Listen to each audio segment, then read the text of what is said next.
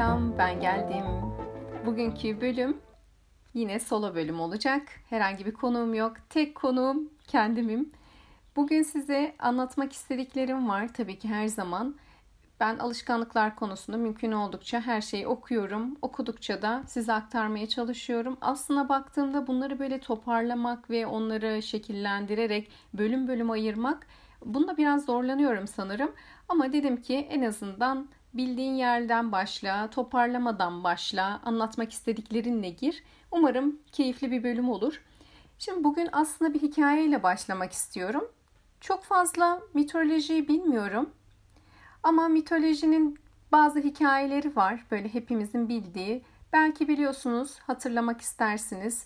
Belki bilmiyorsunuz, yeni öğrenmiş olacaksınız. Bir tane hikaye var. Bu Kirke'nin Odysseus'a söylediği işte Odysseus uzun süre Odysseus uzun süre evinden uzak kalıyor savaşlar nedeniyle ve evine dönme çabasında giderken Kirke ona diyor ki işte şunlara şunlara şunlara dikkat et diyor. Bir gün e, onunla bir araya geliyorlar. Böyle biraz yüzeysel sanki bugün yaşanıyormuş gibi anlatacağım.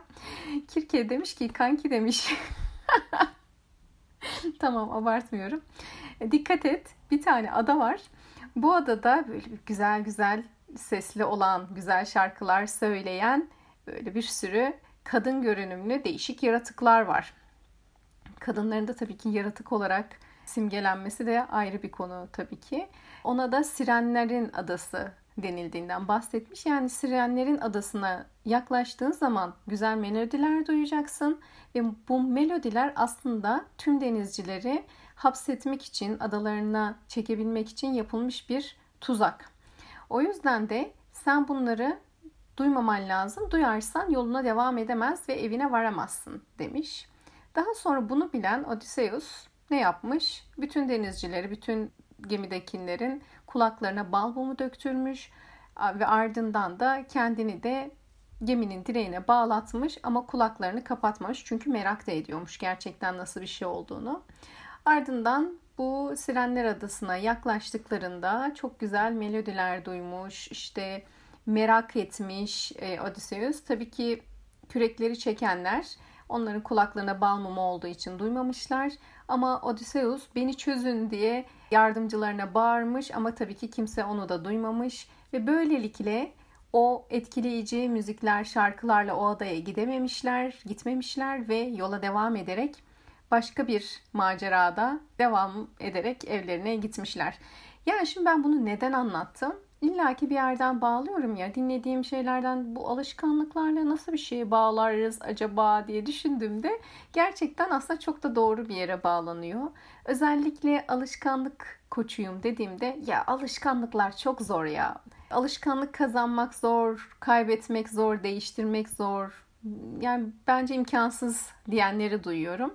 Bu tamamen kişinin yaklaşımı ve bakış açısıyla ve burada aslında bu kişilerinle ilgili kendileriyle ilgili daha doğrusu beklentiler üstüne bir konu söz konusu. Bunu biraz daha açacağım birazdan da bu hikaye kısmında devam etmek gerekirse aslında bu ada Sirenler Adası o güzel melodiler bizi çeken e, bizim bir irade gösterdiğimiz davranışta örneğin işte bir yeni diyete başladıysak tatlılar ya da işte sevdiğimiz tadı güzel olan yiyecekler, akşam saatlerinde yemeler vesaire. Bunların hepsi o Sirenler Adası'nı simgeliyor benim için.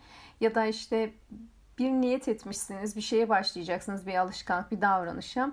İlla ki hadi gel içelim, hadi gel şunu yapalım diyen birileri çıkacak. Ya da siz bir şekilde kendinizi o Sirenler Adası'ndaki o, o zevkli, güzel tarafa giderken bulacaksınız. Yani gerçekten de alışkanlık kazanma sürecinde gerekirse kulaklarımıza bal mumu sürmeliyiz, kapatmalıyız. Bal mumuyla kapatmalıyız. Bir şeyleri duymamalıyız. Çünkü özellikle en başlarında o alışkanlığa tam dönüşmediği zamanlarda buna çok ihtiyacımız var. Bunu yapabilme iradesi tabii ki gösterebiliriz. Ya zaten burada kulaklarımızı tabii ki gerçekten bal mumu kapatmayacağız irade göstermekten bahsediyorum. Ama Odysseus burada ne yaptı? Bunu duyup olsun ben gene irademi kullanırım giderim hadi sürün bakalım Sirenler Adası'na diyebilirdi. O taraftan geçerken kendine güvenirdi ama gerçekten de onun bağlanmış olmasına rağmen yine de oraya gitmeyi arzulaması iradesini olsa bile kullanamadığını gösteriyor. Ama orada nasıl bir aksiyon almış? Böyle bir uyarı var. Ne olabileceğini aşağı yukarı tahmin ediyor. Yaşamamış olsa dahi ve sonra da işte bu şekilde kendini bağlatarak, gemidekilerin kulaklarını bal mumu kapatarak bu zorluktan kurtarıyor kendini. Aynı şekilde özellikle hem danışanlarım hem atölyeleri katılanlar çok iyi bilir. Podcast'te de bahsediyorum. Bir davranışın gerçekleşmesiyle ilgili böyle hemen başlayamayız. Yani gerçekten bu çok sürdürülebilir bir durum değil. Önce kendimizi tanımalıyız, ne istediğimizi, neler yapmamız gerektiğini bilmemiz çok önemli ve bunun dışında da bu yolculukta karşılaşabileceğimiz zorluklar neler? Aslında alışkanlıkların dışında da hayatın genelinde de bu var. Yani ben bir eyleme geçmek istiyorum, bir niyetim var ve bu niyetle ilgili benim zorluklarım neler olacak sorusunu sormak çok değerli. Ve böylelikle bu konuda ben nasıl aksiyon alabilirim? Ne birlikte de aslında o sürecin daha kolay aşılmasını sağlayabiliyoruz. Evet, bir e, eve varma e, maceramız var. Odysseus'la birlikte yolda bazı problemler görüyoruz ve bu problemlerle ilgili uyarılıyoruz ve bunlarla ilgili aksiyon alıp yolumuza devam ediyoruz. İlla ki problemler çıkacak. İlla ki beklenmedik durumlar oluşacak. Ki zaten alışkanlıkların da tam daha doğrusu alışkanlık oluşturma davranışının diyelim alışkanlığa yani otomatiğe dönme aşamasında en kırılgan nokta şu. Psikolojik olarak iyi değilken, yorgunken, açken, uykusuzken yani zayıf olduğumuz noktalarda vazgeçip hep bildiğimiz konfor alanında kalmayı tercih ediyoruz. Peki şimdi gelelim bu hikayeden sonra nelerden bahsedebiliriz?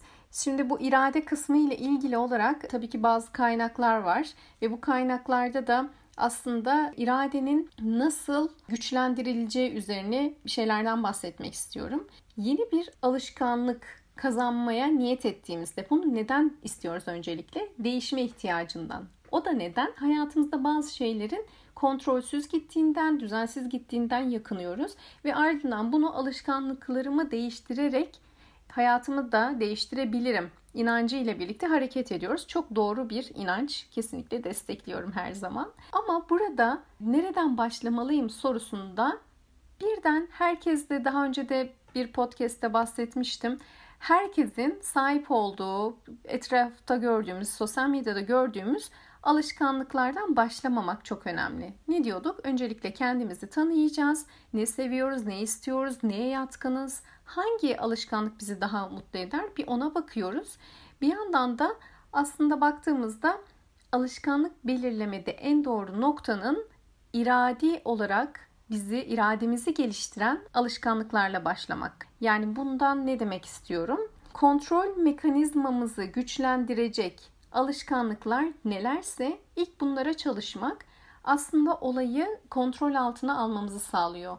Ve daha sonrasında işte mesela benim belirlediğim hemen hemen 4 tane e, alışkanlık var. Bu alışkanlıklara odaklı bir şekilde çalışırsak, kendimizi izlersek işte onların adımlarından da bahsedeceğim. Daha sonra kazanacağımız alışkanlıkları da aslında şöyle diyoruz. Alışkanlık kazanma alışkanlığı. Yani bir yandan alışkanlık kazanmak güzel bir şey ama sürekli konfor alanında tuttuğu için bizi belki de hani at gözlüğü takmış şekle getirebiliyor. O yüzden de aslında kolay alışkanlık kazanmak kolay alışkanlıkları değiştirmeyi de getiriyor. Çünkü oradaki kas bir şekilde çalıştığı için hem istediğimizde de değiştirebiliyoruz. Ama bunun üstüne hiç çalışmamış, bununla ilgili hiçbir aksiyon almamış ya da kendini tanımamış kişilerde maalesef ki maalesef yeni alışkanlık kazanmada da sıkıntılar olabiliyor. Mevcut alışkanlığı değiştirmede de.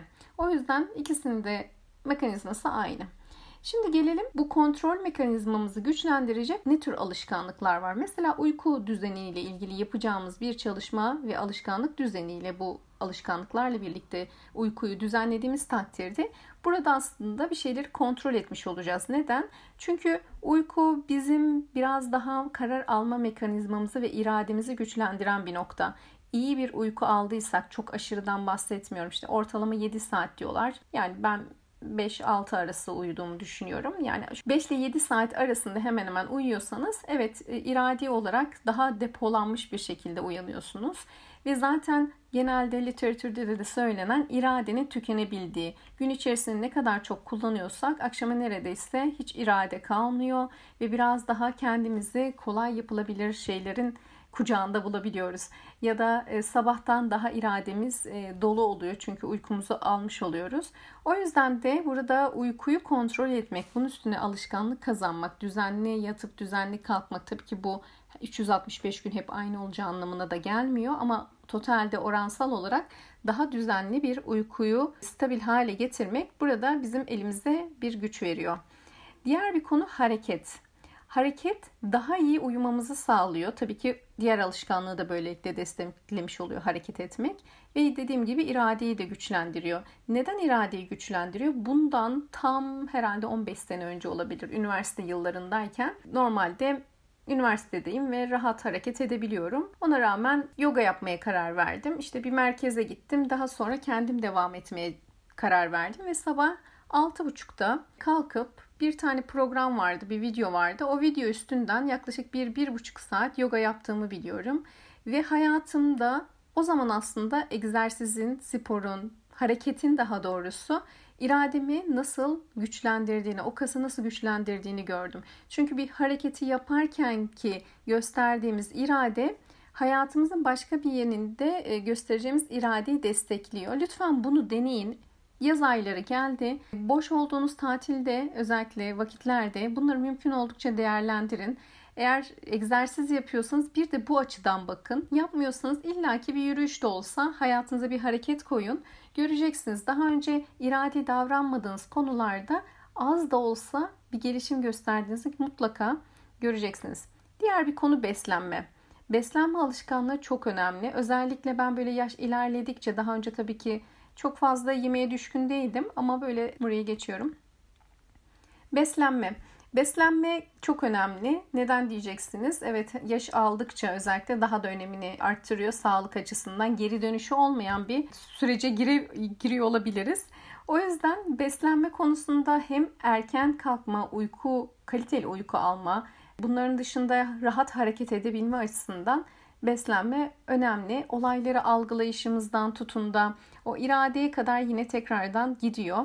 E, yediklerimiz çok önemli. Gerçekten paketlenmiş gıdalar, özellikle şeker içeren gıdalar e, bizi böyle bir yılgınlık, bir tükenmişlik haline sokabiliyor. Ortada hiçbir şey yokken tamamen fizyolojimizi değiştiriyor. Gerçekten çok suni e, şeyler yediğimiz de oluyor. E, bir yandan alkol de fazla alındığı takdirde bunu da bir alışkanlığa dönüştürebiliyoruz ve daha sonra özellikle alkol gibi bağımlılık yapabilecek noktalarda şeker gibi bağımlılık yapabilecek maddelerde bu durumu daha sonra geriye almamız zorlaşabiliyor. Daha fazla irade kullanmanız gerekiyor. O yüzden günlük böyle düzenli yapabileceğiniz beslenme alışkanlıkları neler olabilir? İşte ben mesela aralıklı orucu deniyorum. Deniyorum diyorum çünkü bir dönem çok yoğun yapıyorum. Bazen kaçamak yapıyorum. Çünkü söylenene göre yine sürekli aralıklı oruç yapmak da çok faydalı olmayabilir. O yüzden çok böyle kendimi kısmadan ama acaba bunu yesem nasıl olur gibi üstüne biraz daha düşünerek bu kısımda da farkındalıkla hareket etmeye çalışıyorum. Çocuklarda da aynı şekilde. Diğer taraftan düzenleme. Ya bu konu gerçekten çok önemli olduğunu düşünüyorum. Bunu söylemem bu arada çok çok aşırı düzenli bir insan olduğum anlamına gelmesin. Ama hayatımda deneydiğim her aşamada ne kadar düzenli bir ortamda çalışıyorsam, ne kadar düzenli ortamda yaşıyorsam modumun daha iyi olduğunu gördüm ve üretimsel anlamda da Düzgün bir masada çalışmak her zaman daha fazla üretim sevgisini ve şevkini bize getiriyor ve düzenli bir evde olmak işlerin daha kolay yapılmasını ve zamandan tasarruf etmemizi sağlıyor. Hatta bu konuyla ilgili geçtiğimiz ay doçent doktor Başak Boğdan Saygılı ile birlikte giyim düzenli, işte dolap düzeni, mevsim geçişlerindeki giysilerin düzenlenmesi gibi. Aynı zamanda giyim alışkanlıkları üzerine bir oturum yapmıştık. YouTube kanalında da izleyebilirsiniz. Başak Boğdan saygılı olarak arattığınızda bu YouTube videosunda izlemiş olacaksınız. Bunu da baktığımız zaman ne görüyoruz burada? Aslında düzenli olma zamanı yönetmede en önemli gene güç, elimizdeki güç ve kontrol sağlayabildiğimiz nokta. Bunu sağlamak için de tabii ki illa bir rutin belirlemek lazım, üstüne çalışmak lazım. Her bölüm için ayrı çalışmalar yapmak çok değerli, çok önemli. O zaman bir böyle Dört taneyi tekrarlamak gerekirse kontrol mekanizmamız üstüne bunları güçlendirmek üstüne ilk etapta alışkanlık çalışması yapmak faydalı demiştim. Bunlar neler olabilir? Uykumuz, hareketlerimiz işte spor, yürüyüş, herhangi bir egzersiz Beslenme, beslenmede de özellikle de karbonhidrat ağırlıklı değil de şeker ağırlıklı değil de daha çok sebze ağırlıklı, meyve ağırlıklı bir belki de işte dediğimiz gibi aralık oruç, eliminasyon mesela ben denemedim hiç ama yapanlar memnun. Dönemsel olarak bunları yapıp denemek çok değerli olacağını ben düşünüyorum.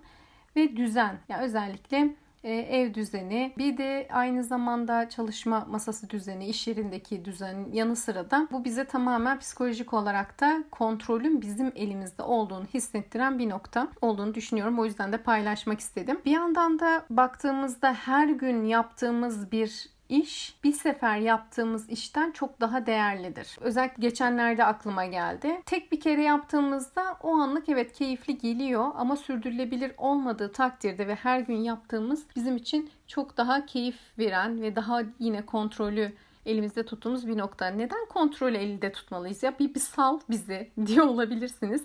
Ama gerçekten dönüp baktığımız zaman bir şeyleri kontrol altında tutmak oluşabilecek patlaklar, oluşabilecek tükenmişliklerin önüne geçiyor. Hele bu devirde. Çünkü çok fazla veri var, çok fazla dikkat odağımızı bozan, oda kaçırdığımız noktalar var. O yüzden bir köşede bazı şeyler için en azından bu rutin alışkanlıklarımız için bunu sağlamak psikolojimizi korumak açısından da çok değerli olduğunu düşünüyorum. Bir taraftan da bir hikayeden daha bahsetmek istiyorum. Şöyle bir hikaye var. Bir tane adam gecenin bir vakti lambanın, sokak lambasının altına bir şeyler arıyor ve polis diyor ki hani beyefendi herhangi bir problem mi var, bir sorun mu var diyor. O da diyor ki anahtarlarımı kaybettim, arabanın anahtarını onları bulamıyorum diyor. Polis de diyor ki burada mı düşürdünüz diyor.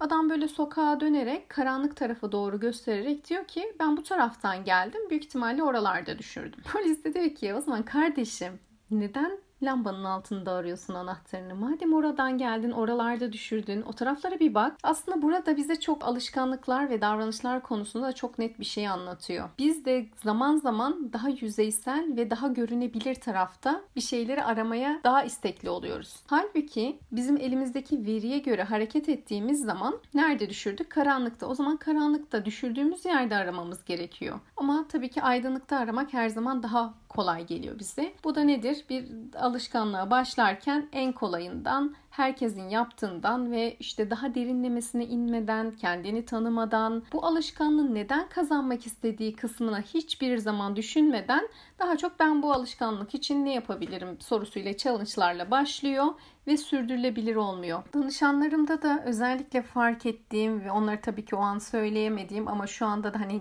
fayda sağlayacağını düşündüğüm bir şey var. Çok fazla insan onların neyi memnun, mutlu ettiğini biliyorlar. Yani sorsam, size de sorsam seni ne mutlu eder? Büyük ihtimal bir liste oluşturursunuz. Ama bunların gerçekleşebilmesi için yapılması gerekenler için kendini verme, bu konuda irade göstermek kısmında gerçekten e, başarılı olunamıyor. Biraz bunun üstünde durmak gerekiyor. Yani ben bir şeyler beni mutlu etmesine rağmen neyin mutlu edeceğini bilmeme rağmen bununla ilgili neden aksiyon almıyorum sorusu geliyor. Bunun temelinde bir sürü eski deneyimler ve işte belki başkalarının deneyimleri yatıyor olabilir. Ama bunun çözümü her zaman alışkanlık kazanmaktır. Kendi belirlediğimiz, kendi kontrolümüzde olan küçük bir alışkanlık da olsa yani her gün yatağını düzenleyerek yataktan kalkmak, kalktın ve düzenledin. Bu bile o günkü kontrolün bir kısmını elinde tutma hissiyatıyla başka bir alışkanlığı, başka bir irade göstergesini bizim için kolay hale getirecektir. Değiştirmekte başarısız olduğumuz konular genelde alışkanlıklarla ilgili oluyor. Yani dönüp baktığımızda neyi değiştirmek istiyorum? Orada bir alışkanlık kazansam nasıl olur sorusu illaki işimize yarayacaktır. Yani bir şeyden memnun değilsek kesin orada işlemeyen bir alışkanlık vardır. Bunu yazmak, çizmek, üstüne düşünmek değerlidir. Biz koçluk tarafında özellikle ben alışkanlık koçluğu yaptığım için bu kısma çok daha fazla değiniyorum. Birlikte bunu bulmaya çalışıyoruz. Sorularla birlikte açıyoruz. Şimdi bir diğer konu ise aynı insan hayatının bir döneminde bir alışkanlığa sahip olmuş. Mesela spor yapma. Örneğin şeyi duyuyorum lisedeyken işte voleybol oynuyordum, basket oynuyordum, işte takımdaydım, şunu yapıyordum, düzenli bunu yapıyordum diyen insanların şu an hiçbir sporu yapmakta irade gösteremediğini, bu alışkanlığını devam ettiremediğini duyuyorum. Bunu da biraz merak ediyorum. Sizler de lütfen düşünün. Bununla ilgili de bir araştırma içerisindeyim ben de. Bir insan hali hazırda deneyimlediği ve bildiği bir konuda tekrardan neden alışkanlık kazanamıyor. Sanırım benim bu tamamen kendi görüşüm. Dönemsel olarak insan değişiyor, evriliyor ve ihtiyaçları ve talepleri değişebiliyor. O yüzden belki de eskiden yapmış olduğunuz bir alışkanlık şu anki size hizmet etmiyor olabilir ve belki de gelecekte de hizmet etmeyecek olabilir. O yüzden dönemsel belki yıllık olarak dönüp baktığımızda bana bu yıl hizmet edecek alışkanlıklar neler olabilir? Ben neleri dahil etmek istiyorum? Sorusu güzel ve kıymetli olabileceğini düşünüyorum. Aslında bir yandan da bu alışkanlıkları belirledikten sonra çalıştıktan sonra hani iradeden bahsetmiştim ya o iradeyi en kolay kısmı alışkanlık kazanmak. Yani bu alışkanlığı oluşturduktan sonra irademi göstergesiyle ilgili bir şey olmuyor. Çünkü otomatiğe bağlanıyor ya. O yüzden de e, irade bir şekilde kendinizi orada zorlamanıza gerek kalmıyor. Peki irade kendimize verdiğimiz sözlerin tutmamızı sağlayan bir şey. Bir yandan da bir alışkanlığa niyet ettiğimiz mesela şu pazartesi günü ben yürüyüşe başlıyorum. Salı işte ayın başından itibaren erken kalkıyorum ya da işte pazartesi itibaren diyete başlıyorum. En basit böyle slogan gibi bir cümle. Gerçekten bir şeylere başladığımızda kendimizle ilgili bir beklentiden bahsediyoruz. Bu beklentide neler var? Öncelikle kendimize bir alışkanlığa niyet ettiğimizde işte pazartesi diyete başlıyorum, erken kalkıyorum, yazı yazıyorum, şunu yapıyorum, bunu yapıyorumlara başladığımızda kendimizle ilgili bir beklentiyi dile getiriyoruz ve aslında kendimize bunu göstermek istiyoruz. Peki bu davranışı devam ettiremediğimiz takdirde ne oluyor? Kendimize karşı inancımız düşüyor. Artık zamanla bunu yapa yapa yapa irade göstermeyip devam etmediği için kendimize karşı beklentilerimizi düşürüyoruz. Ben yapamam ki, ben edemem ki gibi. Ama Şimdi biraz sonra kişilik tiplerinden bahsedeceğim. Özellikle dört eğilimden bahsetmiş olacağım. O kısımlardan hangisine giriyorsunuz? Sizden de bununla ilgili geri dönüş alacağım ama öncelikle hani bu kısmı da söylemek istiyorum. Kendimizde bazı insanlar kendine göre beklentilerden ziyade başkalarının beklentilerini karşılamakta çok daha başarılılardır. Kendilerinden daha ön bir kısmı aldıklarını görebiliyoruz. Bu yargılanacak bir durum değil. Tamamen kişinin geçmişiyle ilgili, hayattaki konumlandırması ile ilgili. Tabii ki burada da bir derinleme çalışma yapmak o kısmın daha temelini sağlamlaştıracaktır. Şimdi gelelim madem dört eğilimden bahsettik. Bu dört eğilim nedir? Gretchen Rubin'in İyileştiren Alışkanlıklar kitabında bahsettiği dört tane eğilim var. Uygulayıcı, sorgulayıcı, zorlayıcı ve isyancı şeklinde. Bunlar tamamen kendimizden kendimizle ilgili beklentilerde takındığımız tavırlarla alakalı dört tane eğilim. Tabii ki bu bir davranış olduğu için yine alışkanlıklarla çok bağlantılı olduğunu düşündüğümüz bir nokta. Şimdi uygulayıcılar kimlerdir? Uygulayıcılar hem iç beklentilerini uyum sağlarlar hem dış beklentilere uyum sağlarlar. Yani başkalarının isteklerine de uyum gösterme çabası içerisindedirler. Sorgulayıcılarsa tüm beklentileri sorgularlar ama kendi inanışlarına göre kendi beklentilerini takip ederler ve sonuç olarak kendi bildiklerini okuyan kişilerdir sorgulayıcılar. Zorlayıcılar ne yaparlar? Dış beklentiye kolay uyum sağlıyor ama maalesef ki maalesef iç beklentilere hiç uyum gösteremiyor. Az önce bahsettiğim gibi öncelik hep dışarıdakilerin ihtiyacı ve beklentileri kendiyle ilgili beklentileri hiçbir zaman gerçekleştiremeyen eğilim tipi diyelim. İsyancılar ne yapıyor? Hem iç hem dış beklentilere karşı tamamen uyumsuz. Yani bir şekilde hareket etmiyor. Bu olayın çok anlamsız olduğunu söyleyen bir kesim belki yapamayacağından belki anlamsız geldiğinden gerçekten de bunu söyleyen bir eğilim olarak bahsediyoruz. İsterseniz biraz daha bu eğilimleri açalım. Mesela uygulayıcılar kimlerdir? Bir bakın bunlardan hangisi var? Bu arada hani keskin çizgilerle ayrılır demiyoruz. Tabii ki burada geçişler muhakkak var. Özellikle Kitapta da bundan bahsediyor. Mesela uygulayıcılar içerisinde ne yapar uygulayıcılar? İşte onlardan beklenenin ne olduğunu bilmek isterler. Daha net kuralları bilmek isterler ve genellikle e, etik ve sanat konularında ayrıntılı araştırma yapmayı isterler. Uyum sağlamaya zorunlu hissederler. Bu biraz zorlayıcı olabilir onlar için. E, kurallar net değilse mutlaka zorlanırlar. Çünkü hani kural insanı uygulayıcı adı üstünde. Kurallara karşı gelmek onlarda huzursuz bir his yaratır. Sürekli e, altın yıldız almak isteğiyle işte amaçla saçma da olsa kurallar bir şekilde yerine gerçekleştirip uyum sağlamaya çalışır. Aslında baktığımızda uygulayıcılar tamamen uyum insanları ama tabii ki zaman zaman da sorgulamadan yaptıkları için de yorucu olabilir. Hep biraz onaylanma ihtiyacı hissedebilirler. Alışkanlıklarımızda da böyle gerçekten uygulayıcılar kısmına baktığımızda kurallar netse uygulayabilir kişiler. Bu açıdan bir de kendinizi değerlendirin ve alışkanlıklar konusunda da eğer uygulayıcıysanız mutlaka yani yıldız ödül ve takdirin olduğu bir en azından başta otomatiğe dönünceye kadar bir sistem kurmanız, tasarlamanız bence faydalı. Neden faydalı diyorum? E, baktığımızda negatif gibi görünüyor. Bu konuda da tabii ki mümkün oldukça kendimizi geliştirmemiz gerekiyor. Dışsal odaklı olmayı getiriyor. Ama elimizdeki kaynak buysa ve bununla ilgili bir çalışma hemen yapamıyorsak ki yapmalıyız. O dışsallığı kullanmak yani burada aslında dışsallıkla bir güçlü bir davranış gerçekleştiriyorsak mutlaka bunu kullanmalıyız. Güçlü tarafımız demek ki. Bu zamanla zamanla eriyen bir eğilime dönecektir. Uygulayıcılardan sonra sorgulayıcıları biraz daha ayrıntılı bahsetmek istiyorum. İyi değerlendirilmiş kararlar almayı ve kendilerine mantıklı gelen sonuçlara varmayı tercih ederler. Ya mantık insanları zekaya önem verirler ve araştırma yapma hevesinde olurlar. Her konuyu araştırma. Mesela işte ben de denk geliyorum. E, alışkanlık kazanmak istiyor. Sürekli bana soruyor. Bu olur mu, bu olmaz mı, nasıl olacak? Çünkü neden? O biraz daha olayları sorgulayarak mantığa dökmek istiyor. Ben de ona yakın bir insanım. Hem uygulayıcı da var, hem sorgulayıcı, hem zorlayıcı için biraz bahsedeceğim. Hepsinden biraz biraz varım. O yüzden sorgulayıcı kısmında da mantık, teknik, sistem, yapılmış bir şey benim için çok daha ikna edici oluyor. Kendimi ikna etmekten bahsediyorum. Ve aynı zamanda bir alışkanlığın işe yarayacağını ve kullanılışlı olduğunu düşünüyorsa illaki yapıyor ve sürdürülebilirlik sağlıyor sorgulayıcılar. Sorgulamak iyidir. Neden yapıyorum, nasıl yapıyorum? İşte koçlukta da biz biraz daha o derinsel işte biraz geçmişe gidiyoruz, biraz geleceğe gidiyoruz. Sorguluyoruz ve denemeler yaparak bunun hangi çeşidi bizde işliyor bunu öğreniyoruz. Zorlayıcılara gelelim. İç beklentilerini direndikleri için kendi kendilerini motive etmekte zorlanıyorlar zorlayıcılar. Kendi ajandasındakileri e, biriktirirken başkalarının ajandasını gerçekleştirmek için kendini yıpratan cinsten olan kişiler. Yani zorlayıcılar aslında bir grupla çok daha kolay alışkanlık kazanabilirler.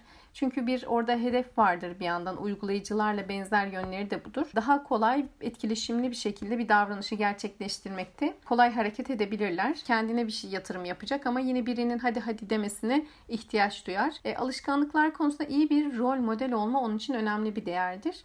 Dış beklentileri karşılama konusunda tükenmişlik yaşayabilir. Çünkü hep dışarıdan bir onay bekliyor ve bu onu yorabilir. O yüzden de bunu fark etmek, bunu kontrollü bir şekilde yapmak, e, dış beklentilere gerçekten neden ihtiyaç duyduğunu sorgulamak önemli olabilir. Başkaları için yapabilecekleri kendileri için yapmıyorlar. Öncelik her zaman dışarıdaki bir kişi oluyor. İsyancılar en bir sevdiğim. Kendi inşa ettiği yolda yürümeyi tercih ediyor. Orijinalliğe illa bayılıyor, otonomi, otonomiyi seviyor. Bir davranışı, bir hedefi bitirmesi gereken bir görev değil, tercih etti, yapmayı tercih ettiği bir iş olarak görüyor. Orada da kontrol onda yani. Ve bizim en çok alışkanlık değişiminde, alışkanlık kazanmada zorlandığımız kişilik tipleri isyancılar sizin de bildiğiniz üzere. E tabii ki bu biraz daha daha yumuşak, olaylara karşı daha çevik, daha geçişleri kolay yapan bir karakter değil. O yüzden biraz daha konuda illaki önce bir isyan ediyor ve her zaman da her konuda muhalif olan karakterler. Şimdi siz bir bakın kendinize. Uygulayıcı mısınız, sorgulayıcı mısınız, zorlayıcı mısınız, isyancı mısınız? Ve bunlara göre gerçekten karakterinize göre alışkanlık kazanabiliyor musunuz? Yani bunları gerçekleştiremiyorsanız eminim buralarda bir yerleri takılıyordur diyorum. Kendimizi tanıma yolculuğunda bir adım attığımızı daha düşünüyorum. Farklı bir bakış açısıyla dört eğilim üzerinden bugün konuştuk. Ama bir yandan bunları varsayalım ki kendimizi tanıdığımız noktaları böyle tamamladığımızı düşünüyoruz ya da bir anlamda yine nasıl bir karakter olduğumuzu ve nasıl bir alışkanlık kazanma, bir davranış gerçekleştirme içerisinde olduğumuzu hemen hemen anladığımızı varsayalım. Alışkanlığın bazı yapı taşları var eyleme geçme kısmında, tasarlama kısmında özellikle bundan bahsetmek istiyorum. Çünkü kendi kendimize de deneyebiliriz bunu. Dediğim gibi bununla ilgili destek de alabilirsiniz. Dört aşama olduğunu ben düşünüyorum. Genelde ben de bunları kullanıyorum. Öncelikle kişinin kendini izlemesi. Yani bu kendini tanıma kısmı için de geçerli ve daha sonra davranışı yapmaya başladığında da kendini izlemesi çok değerli. Burada işte hangi gün, hangi tarihte, nasıl neyi nasıl yapıyor, e, hangi motivasyonları var gibi not alarak mutlaka not alarak izleme yapılmalı. Diğer bir yapı taşı ise altyapı oluşturma. Yani burada kontrol sağlayacak alışkanlıklardan az önce bahsetmiştim ya. O biraz daha kontrol mekanizmaların güçlendirecek alışkanlıkları yapmak bize altyapı oluşturuyor. Neydi onlar? Uyku, hareket etme, beslenme ve düzenleme. Ve böylelikle de aslında bir eğilimin ya çok kolay değil. Ya biraz gerçekten çalışmak gerekiyor. Sonuçta düşünsenize hayatınızı değiştirmeyi planlıyorsunuz. Alışkanlıklarla değiştirmeyi planlıyorsunuz ama kalkıp da bunun üstüne bir çalışma yapmamak sürdürülebilir bir durum yaratmıyor. Birkaç ay yapılabilir sonra hayat boyuna yayılmayacaktır. Bizim amacımız burada hayata yayılacak bir davranış oluşturabilmek. Zaman zaman da bunu değiştirebiliriz belki. Ama niyetiniz varsa hayatım artık değişsin şunu da bir halledeyim diyorsanız illaki bir altyapı oluşturma ve burada kontrol mekanizmalarını çalıştırma, bunları güçlendirme çok değerli oluyor. Diğer bir adım planlama. Neyi ne zaman nasıl yapacağım? Dediğim gibi işte bir haftada sabahlarımı yapacağım, akşamlarımı yapacağım. Bunu tamamen ben bilebilirim. Ben deneyerek yapabilirim. Haftalık olarak bloklara bölüp bunları işte sabah bir hafta, akşam bir hafta, öğlen bir hafta gibi yaparak kendimizi gördüğümüz, yine izlediğimiz bir süreç. Tüm bunları belirledikten sonra uygulama kısmında da mutlaka en başta da dediğim gibi not almak, geri bildirim vermek, neyi iyileştirebileceğini sormak bu tasarımın en önemli kısmı. Bugün bilmiyorum. Biraz böyle okuduklarımdan aldıklarım notları paylaşmak istedim. Ve bu dört eğilimin de daha önce de bahsetmek istemiştim. Daha belki ilerleyen podcastlerde bunu daha ayrıntılı belki her bölüme bir tane eğilim şeklinde ayrıntılı da anlatırım. Ama biraz böyle ders niteliğinde geçmiş olabilir. Eğlenceli geçmemiş olabilir. Ama bunların fayda sağlayacağını düşünüyorum. Eğer vakit bulursam notlar kısmı yapmayı planlıyorum tüm podcast için aslında. Ama bu aralar pek vakit bulamıyorum. Umarım bugün keyif almışsınızdır. Podcast'in sonuna gelirken hepinize keyifli alışkanlıklar kazanmanızı diliyorum ve keyifli alışkanlıklarla kalın diyorum. Bu arada Keyifli Alışkanlıklar podcast serisini Podcaster app uygulaması üstünden de dinleyebilirsiniz ve diğer benzer podcastlere de ulaşabilirsiniz. Tekrardan dinlediğiniz için teşekkürler. Görüşmek üzere.